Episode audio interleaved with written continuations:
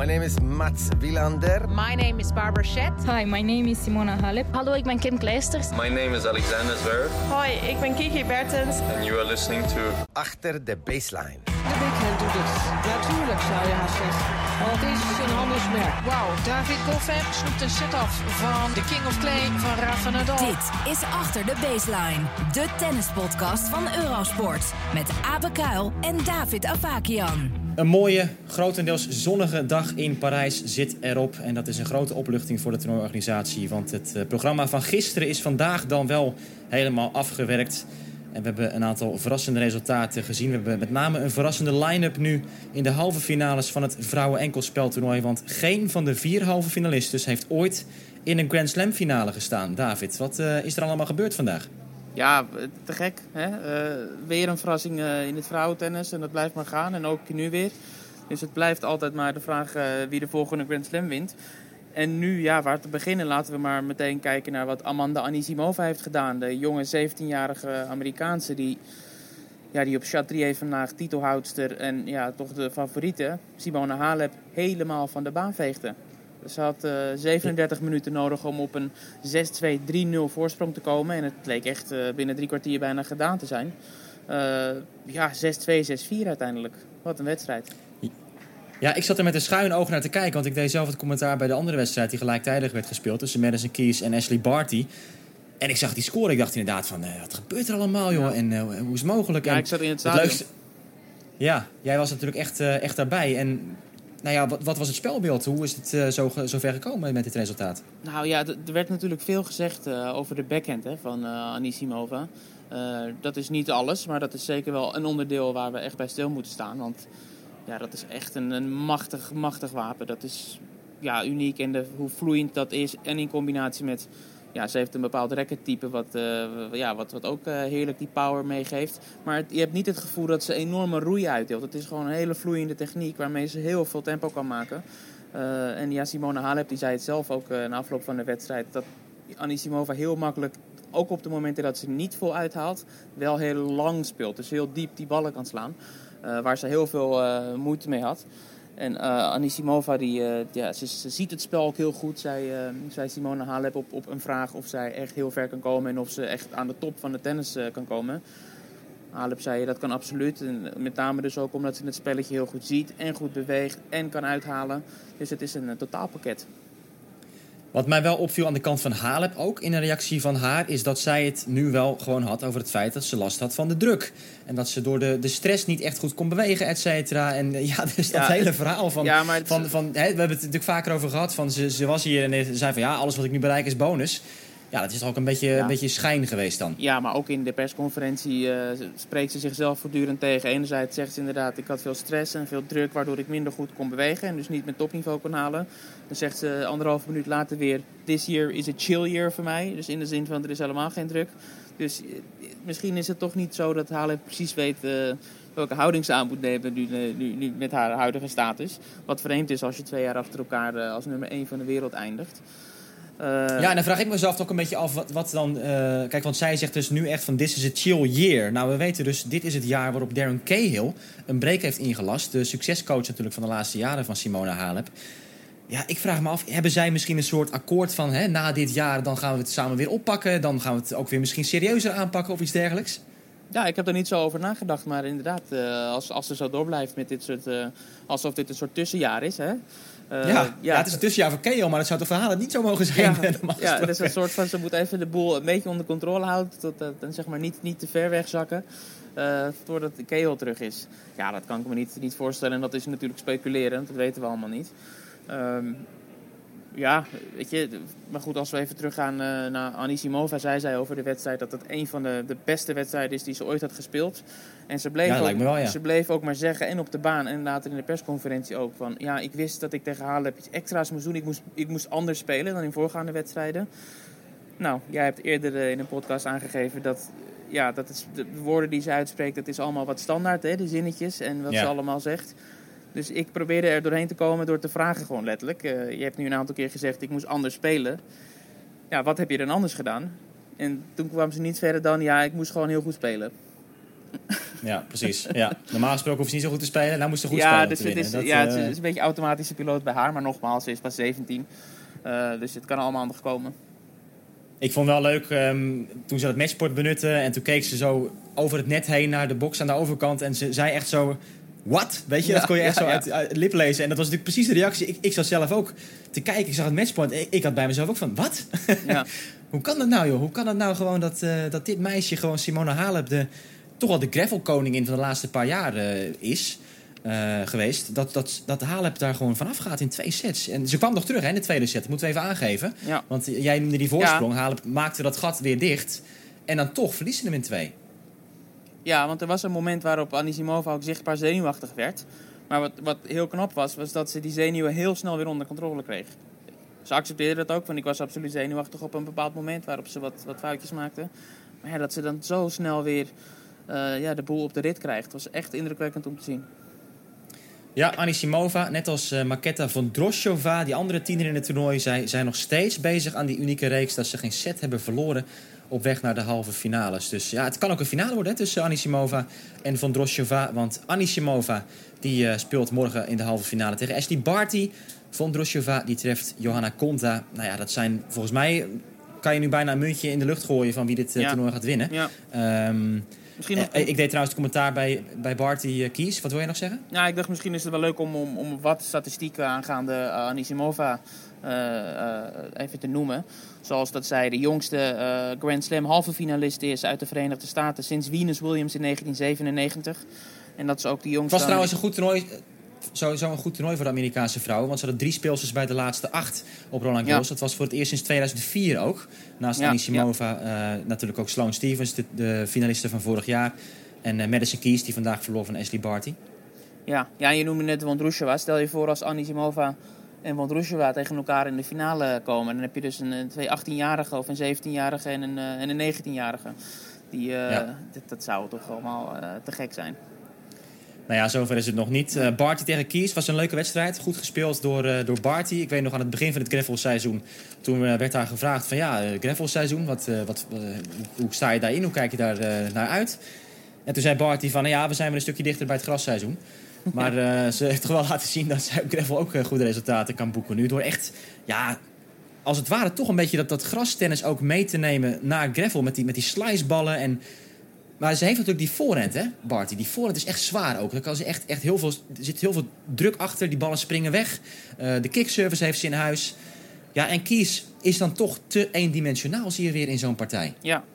ja, ik heb weinig van die wedstrijd gezien, omdat het tegelijkertijd was dus met, uh, met deze. Dus ik kan niet precies uh, inhaken op wat er in die wedstrijd is gebeurd. Maar ik kan me zo voorstellen dat Kies zich weer de nodige keer heeft verslikt. Hè, in een, en ballen vaak het net heeft geraakt. Is dat wat er is gebeurd?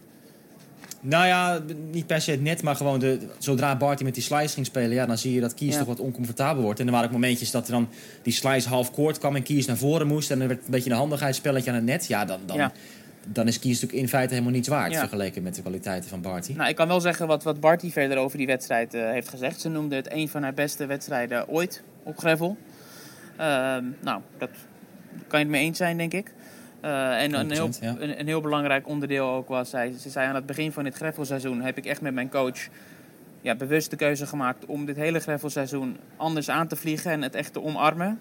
En dat, gewoon te accepteren dat ik met mijn spel best goed op, uh, op greffel zou moeten kunnen spelen.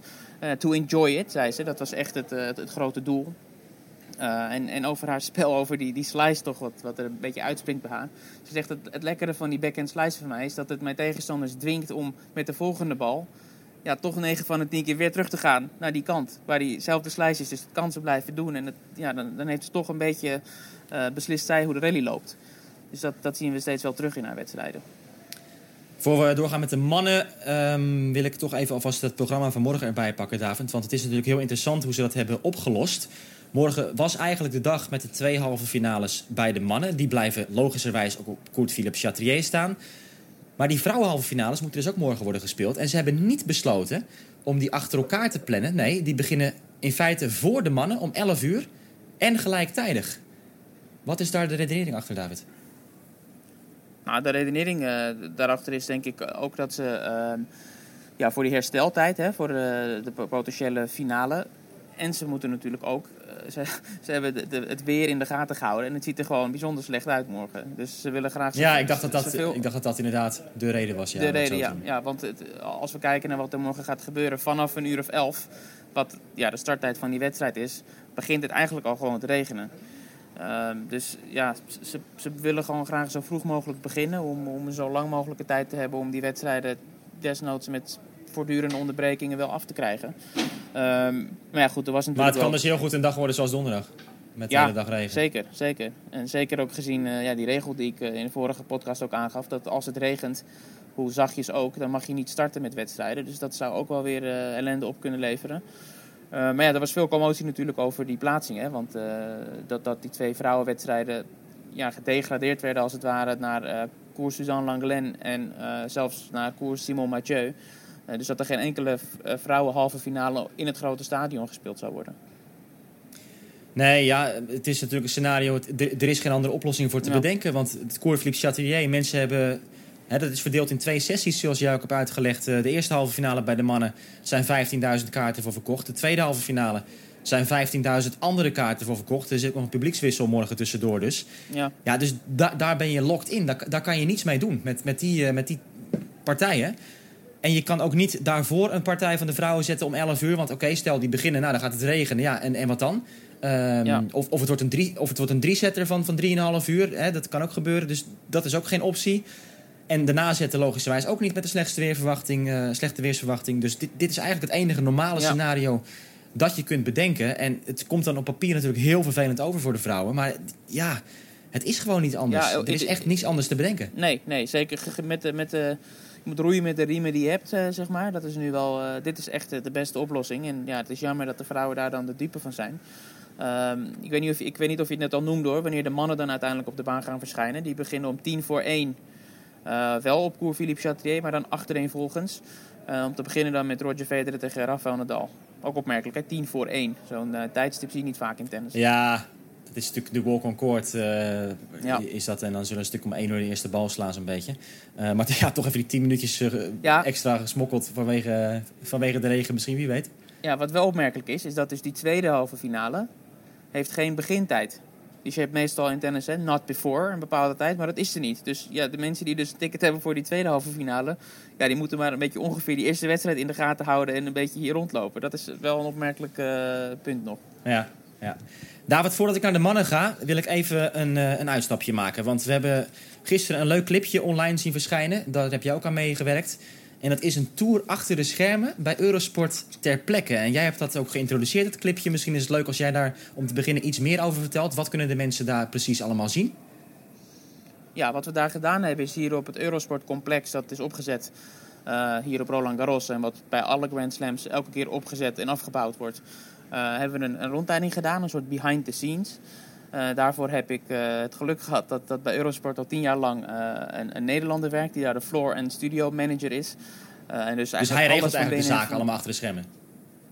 Ja, grotendeels wel. En zeker de, het, het, het, onderdeel wat de studio's aangaat. Dus wat er uitgezonden wordt, wat, wat je ook ziet met Gameset en Mats. Dat is hij altijd van begin tot eind. En ook het uiterlijk van die studio. En ook die clips met John McEnroe en al die, al die dingen. Dat, daar is hij heel erg actief eh, mee bezig. Eh, en dat doet hij, dus, doet hij dus al tien jaar lang. Eh, ja, dus de perfecte persoon om die rondleiding te geven daar in het Nederlands. En ja, goed, eh, ik weet niet of we alles moeten verklappen wat er in die clip naar voren komt. Ehm, maar uiteindelijk Nou wordt ja, het gewoon- gewoon duidelijk natuurlijk hoe, hoe dat hier ter plekke te werk gaat. En hoe het uiteindelijk terechtkomt in de huiskamers. Eh, en Eurosport heeft natuurlijk allerlei aftakkingen. Je hebt Eurosport Nederland, je hebt Eurosport eh, Verenigd Koninkrijk, Frankrijk, Rusland, noem maar op. Een heleboel landen. En die moeten allemaal bediend worden. En die hebben allemaal een, een eigen manier van werken. Hè, afhankelijk ook van de grootte van de markt. Dus er zijn heel veel elementen waar rekening mee gehouden moet worden. Ja, en om even in te haken voor de mensen die het filmpje al wel hebben misschien, eh, gezien. Misschien. Eh, we zien dat eh, Perry heet hij, dat, dat hij even op bezoek gaat bij de collega's van Frankrijk, van, van Duitsland, van het Verenigd Koninkrijk. Dat, hij, dat, je daar die deurtjes ziet van hier zitten de mensen de tv te maken voor, voor, voor de UK, voor, voor, nou ja, voor die andere landen. Ehm, hij gaat niet op bezoek bij Nederland. Dat is zo omdat Nederland gewoon eigenlijk de feed binnenkrijgt vanuit Parijs. Wij zitten zelf, ik dan als commentator, commentator met mijn eh, collega's Christy, Mariette, et cetera. Wij zitten dus in Hilversum commentaar te geven. En daar wordt alleen het geluid nog geregeld voor ons. En eh, dat alles dus precies eh, goed staat afgesteld. We hebben geluidstechnici zitten in Hilversum, maar we hebben dus geen productieteam op locatie. Dus dat is even de verklaring waarom er geen bezoekje wordt gebracht aan Nederland. Dat is dus alleen echt de, de hoofdlanden, die hebben als het ware hun, hun eigen team ook nog te plekken. Ja, die dus ook zelf be- bepalen wat er uiteindelijk in die landen op de tv verschijnt. Hè? Want die Precies, hebben gewoon ja. voortdurend de controle daarover. Terwijl Nederland grotendeels toch afhankelijk is van wat er internationaal ingepland wordt. Tenzij uiteraard en alleen- Nederland... Ja, Ja, al- alleen als Kiki Bertens speelt, dan is er eh, tegenwoordig een uitzondering mogelijk dat je dan een zogeheten local window creëert. Dus hè, dat er een soort Nederlands venster overheen wordt geplaatst in Nederland met de wedstrijd van Kiki. Ja, dat is allemaal een heel technisch verhaal, maar dat is een beetje hoe het dan dus ehm, werkt. Om, om daar even op in te haken, David, of heb jij nog iets hier aan toe te voegen? Nou ja, alleen dus nog eh, wat er in, die, in dat filmpje nog naar voren komt, zijn al die legends hè, die, eh, eh, die, die in beeld komen en, en even een, een praatje doen over hun werk voor Eurosport. En dat is hartstikke leuk om te zien. Ja, nee, het is, het is echt een hartstikke leuk inkijkje. Want je ziet dus Perry, die dan, hè, je ziet Barbara Chet klaarzitten voor Gameset en Mats. eh, Mats Wielander, dan gaat hij nog even snel met de microfoon langs. Van, wat, hè, hoe voel je je nou? Ben je gespannen op dit moment voordat die uitzending begint? En het zijn echt allemaal van die, van die leuke inside dingetjes. En je voelt echt alsof je daar meeloopt met Perry precies daar eh, ja, tussen heel, dat, eh, heel die Eurosport compound, hè, noemt hij het zelf. Ja, precies. Mac- McEnroe die zijn laatste voorbereiding aan het doen is voordat hij een clip van de commissioner opneemt, et cetera. En nou, hoe hij dat allemaal aanpakt. Ja, dat is echt hartstikke, hartstikke leuk om te zien. Het is een clipje van een minuut of twaalf, dus het staat op eurosport.nl. En we hebben het zelf ook op onze social media kanalen gezet. Het ADB Podcast is het ook eh, te zien natuurlijk, ons Twitter-account. Maar ik wil even dan eh, doorgaan, want we hebben ook een vraag gekregen van een, eh, een luisteraar, Lisette den Blijker. Allereerst bedankt voor het luisteren natuurlijk. Ehm, en die vroeg ook van, ja, hoe, hoe beleven de verslaggevers dan dat toernooi, Roland Garros? Wij zitten dus in Hilversum. Wat zien zij bijvoorbeeld allemaal op hun schermen? Ja, dat is eigenlijk heel simpel. Wij zien het, eh, hetzelfde als ehm, de mensen thuis. Wij hebben dan wel een, een, een feed zonder de Eurosport-logos, et cetera, erin. En zonder die, eh, die, die resultaten soms onder in beeld eh, die verschijnen. Maar we- verder hebben wij geen andere camerahoeken of wat dan ook. Dus wij moeten dat ook echt doen met, eh, met die beelden. Ehm, hoe frustrerend is het om zelf niet in Parijs te zijn, is een vraag. Ja, dat is heel frustrerend, want ik zit dus elke avond naar het gezicht van David te kijken... die nou weer op het Cours Philippe Chatrier zit. En ik zit eh, Ja, ja. nu in mijn eigen huiskamer weer op te nemen. dus dat is allemaal eh, erg jammer. Maar helaas eh, is dat eh, niet anders. Ja, David, het is natuurlijk voor jou ook eh, bijzonder, denk ik. Hè? Want jij bent daar als Nederlandse verslaggever. Maar je hebt dus ook allerlei verslaggevers ehm, daar ter plekke lopen... die voor Spanje werken, die voor Frankrijk werken, et cetera. Eh, de verdeling van wie wanneer en welke interviews doet... is natuurlijk een hele puzzel vaak.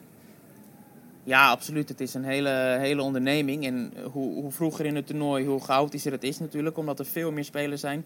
En eigenlijk zijn er van alle landen, deelnemende landen, zeg maar van de spelersachtergronden, zijn er wel verslaggevers. Dus het gaat echt om honderden eh, mensen. En we hebben toevallig later in deze uitzending nog twee clipjes uit persconferenties, waarop ook leuk dat internationale karakter naar voren komt. Want dan hoor je een Italiaan een vraag stellen en dan een Amerikaan en dan een Brit. En eerder in de podcast eh, heb ik ook de vraag gesteld. Dus het is, het is echt één groot internationaal eh, gezelschap. En echt van alle continenten hoor. Ook voor Del Potro komen er dan weer Argentijnen. Dus het is niet zo dat het alleen hier in en rondom Parijs dus alleen maar Europeanen zijn. Ja, met die interviews is het, is, het, is het een grandioze onderneming. Want je moet altijd interviews aanvragen. En natuurlijk niet alle interviews kunnen, ja, kunnen ingewilligd worden. En dan heb je nog een, hele, een heel onderscheid tussen wil je een speler spreken op het moment dat hij eh, gewonnen heeft. Of dat hij eh, ook verloren heeft. Dus dat zijn allemaal eh, dingen die geregeld moeten worden van tevoren. En daar zijn echt mensen de hele dag, van ochtends vroeg tot avonds laat. En soms zelfs al dagen van tevoren mee bezig om dat in goede banen te leiden. En dat gaat bijna altijd goed. Alleen ja, ik kan als voorbeeld natuurlijk dat eh, wat er met Serena Williams en eh, Dominic Thiem gebeurde rondom die persconferentie. Ja, die persconferenties die, die worden ook allemaal heel strak ingepland. Eh, en ja, dat het allemaal op elkaar aansluit. En ja, af en toe moeten de mensen wachten. Maar over het algemeen echt beetje af voor, voor die organisatie die, die al die interviews ja, zo vloeiend laat plaatsvinden. Ja, en voor de duidelijkheid, die praten dus nu echt over het, eh, het hele persgebeuren. Dit gaat niet meer alleen over Eurosport zelf, maar eh, de, de, de schrijvende journalisten, et cetera, die voor de persconferenties Ja. dan eh, hun vragen kunnen stellen en zo allemaal. Ja, dat is, Ja, ja goed. het, is, het, is één, het is één groot gekkenhuis. Het is honderden, soms ja, meer dan duizend journalisten bij elkaar, denk ik wel, Ja. vaak bij die Grand Slams. Ja, ja, en tv is dan nog een heel apart onderdeel. Hè? Voor de interviews, die, die komen vaak na de persconferenties. Dus eerst heb je een persconferentie, dan heb je soms wat één op één interviews. En als derde heb je dan nog vaak tv-interviews. En afhankelijk van, van de speler kan het er één zijn. Maar ja, in het geval van Federer, die in verschillende talen spreekt, die moet dan ook weer drie, vier keer dat doen. Ehm, dus ja, het, het is eh, een heel, eh, heel groot circus hier.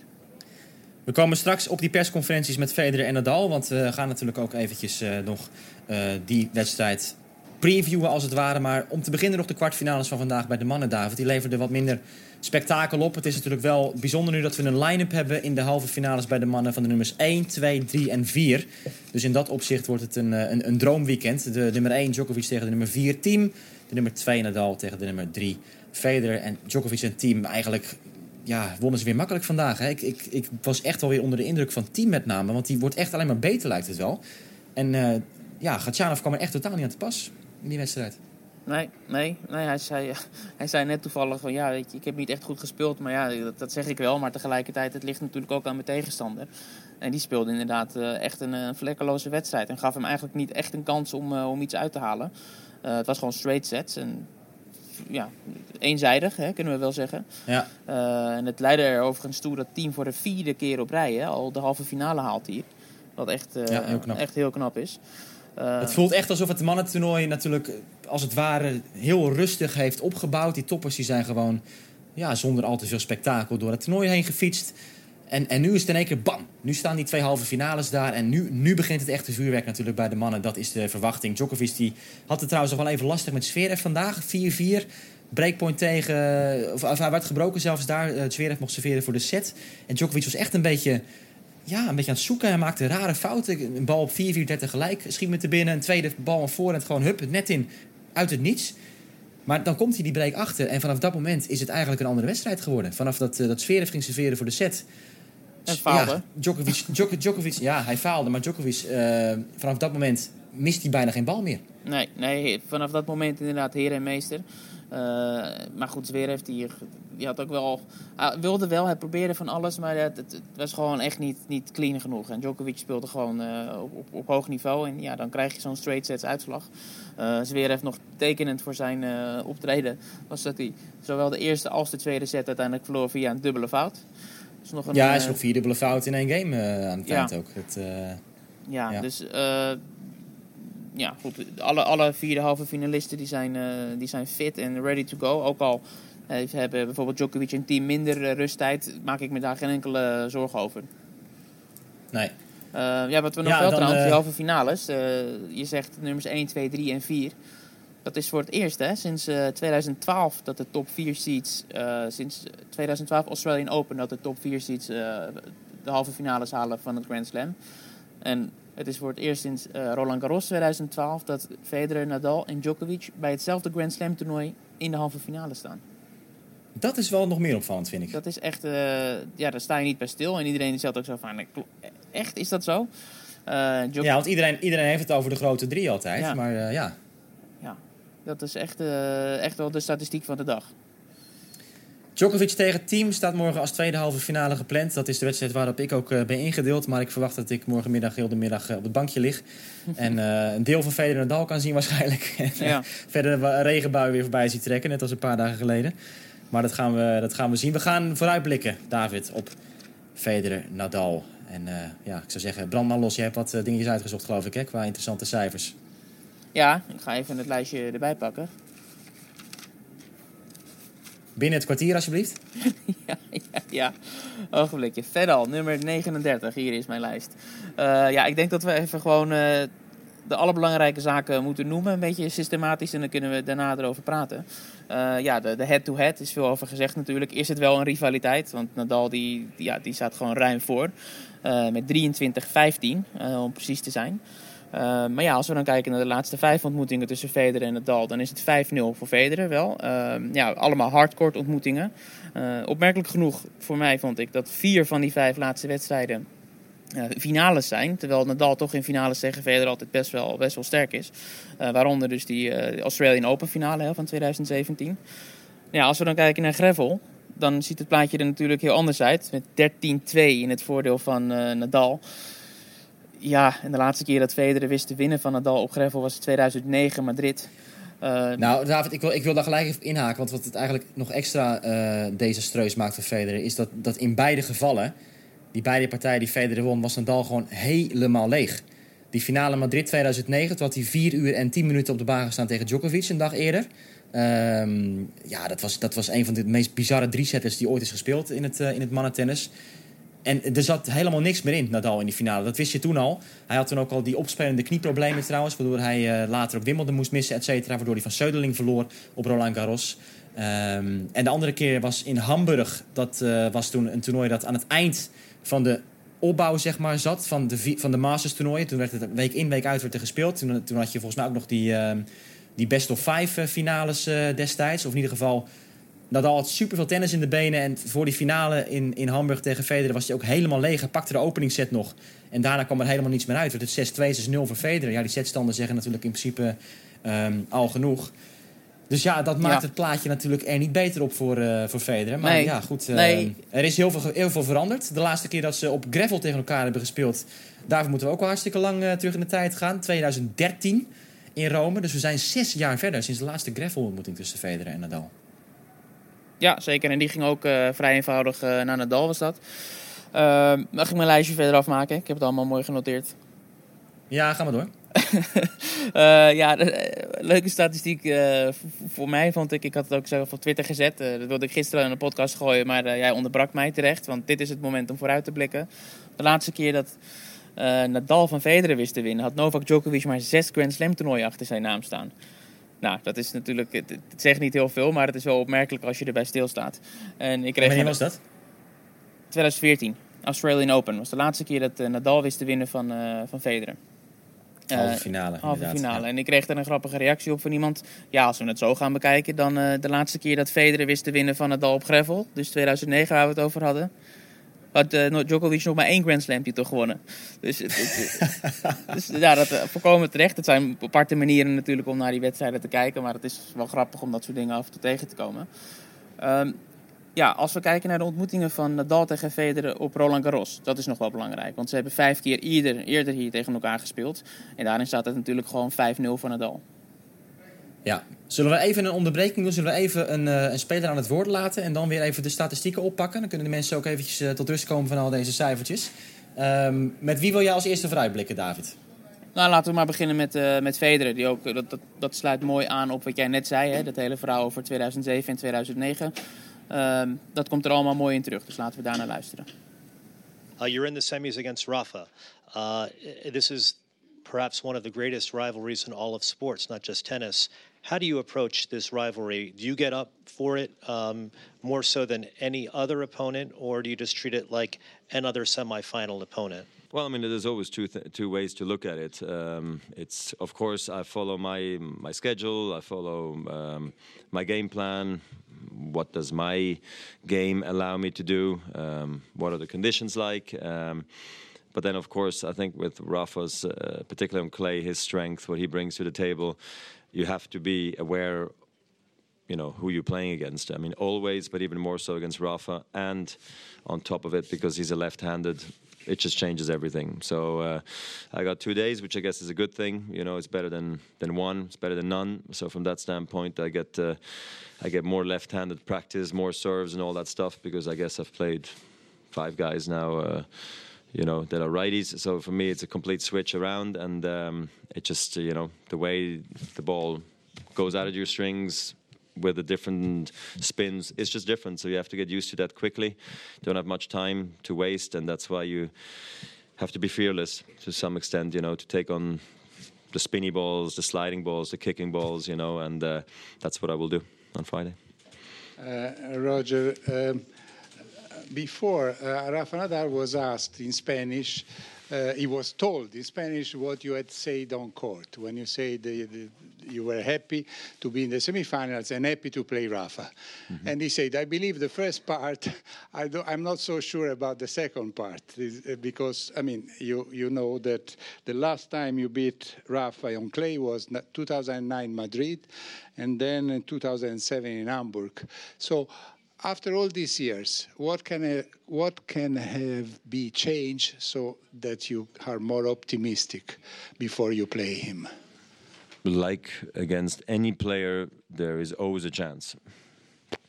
Otherwise, nobody will be in the stadium to watch because everybody already knows the result in advance. And I think sport does that to you that every match needs to be played before it's decided. And that's exactly um, what everybody believes by facing Rafa. They know it's going to be tough, but you just never know. Um, he might have a problem. He might be sick. You never know, and uh, you might be playing great, or for some reason he's struggling. Maybe there's incredible wind, rain, ten rain delays. You just don't know, and that's why you need to put yourself in that position. For me to get to Rafa is not not simple. I took five matches here to, to for me to win to get uh, to get there, and um, that's why I'm very happy to play Rafa because if you want to do or achieve something on the clay, inevitably at some stage you will go through Rafa because he's that strong and he will be there. So um, I knew that when I signed up for the clay that hopefully that's going to happen. If I would have had a different mindset um, to avoid him, then I should not have played the clay. So I think by that mindset, I think it helped me to play so well so far this tournament. Roger, at times in your career, you've you've mentioned that Rafa's the only player you changed your game to try to beat, especially on clay. Mm-hmm. Do you think now, playing him now, you are you will be playing your natural game instead of has it changed from the way it was when you did change your game? It's never natural against any lefty. Rafa or another lefty. It's just everything changes. We play 80% of the time against righties, and when we play lefty, it's just uh, it's just a different match. It's interesting. Uh, I used to hate it. Now I, I love it. You know, because it's a it's a huge challenge against those guys, and uh, and he's the best one that I ever faced against. So uh, I'm looking forward to the to the test. You know. Ja, Roger Federer. Niet blij hè met onvermijdelijk, de onvermijdelijk moet je door Rafa heen gaan. Behalve als je in 2009 op Roland Garros speelt en aan de andere kant van het speelschema zit, toch? Ja, ja precies.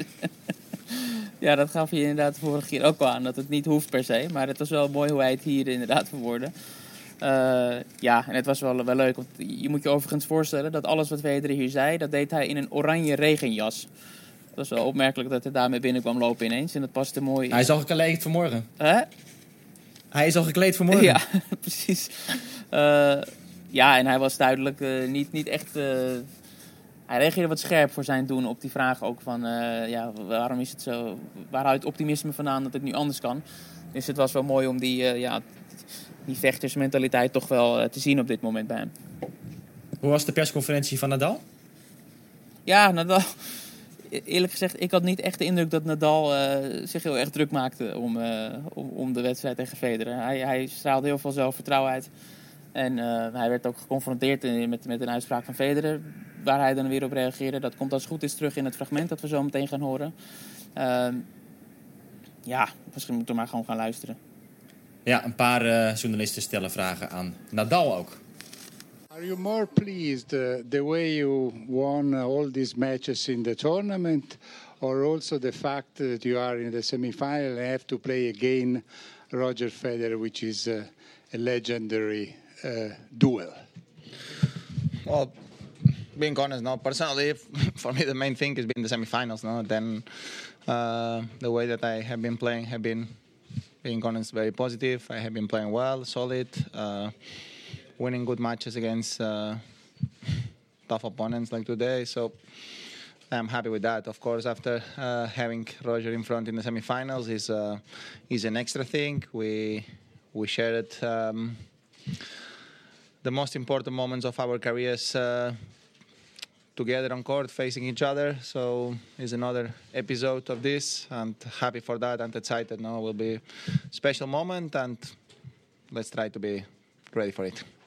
Um, Rafa, it's, it's a long time since you've played Roger here. I mean, are you happy to have the chance again? And do you think the matchup will be different in any way now?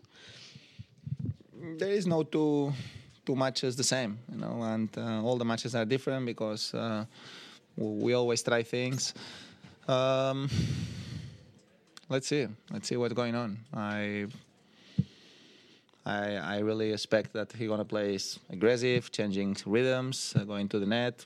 That's that's my my feeling that he he gonna try to play that way because he's playing well and he's uh, he has the tennis to to make that happen. And um, I have to be solid. I have to hitting hit the ball enough strong to don't allow him to to do um, the things from good positions. I need to to let him play with uh, from difficult positions. So from there, I, I he gonna have less chances to go to the net or to to play his aggressive game. So at the end of the day, is play well.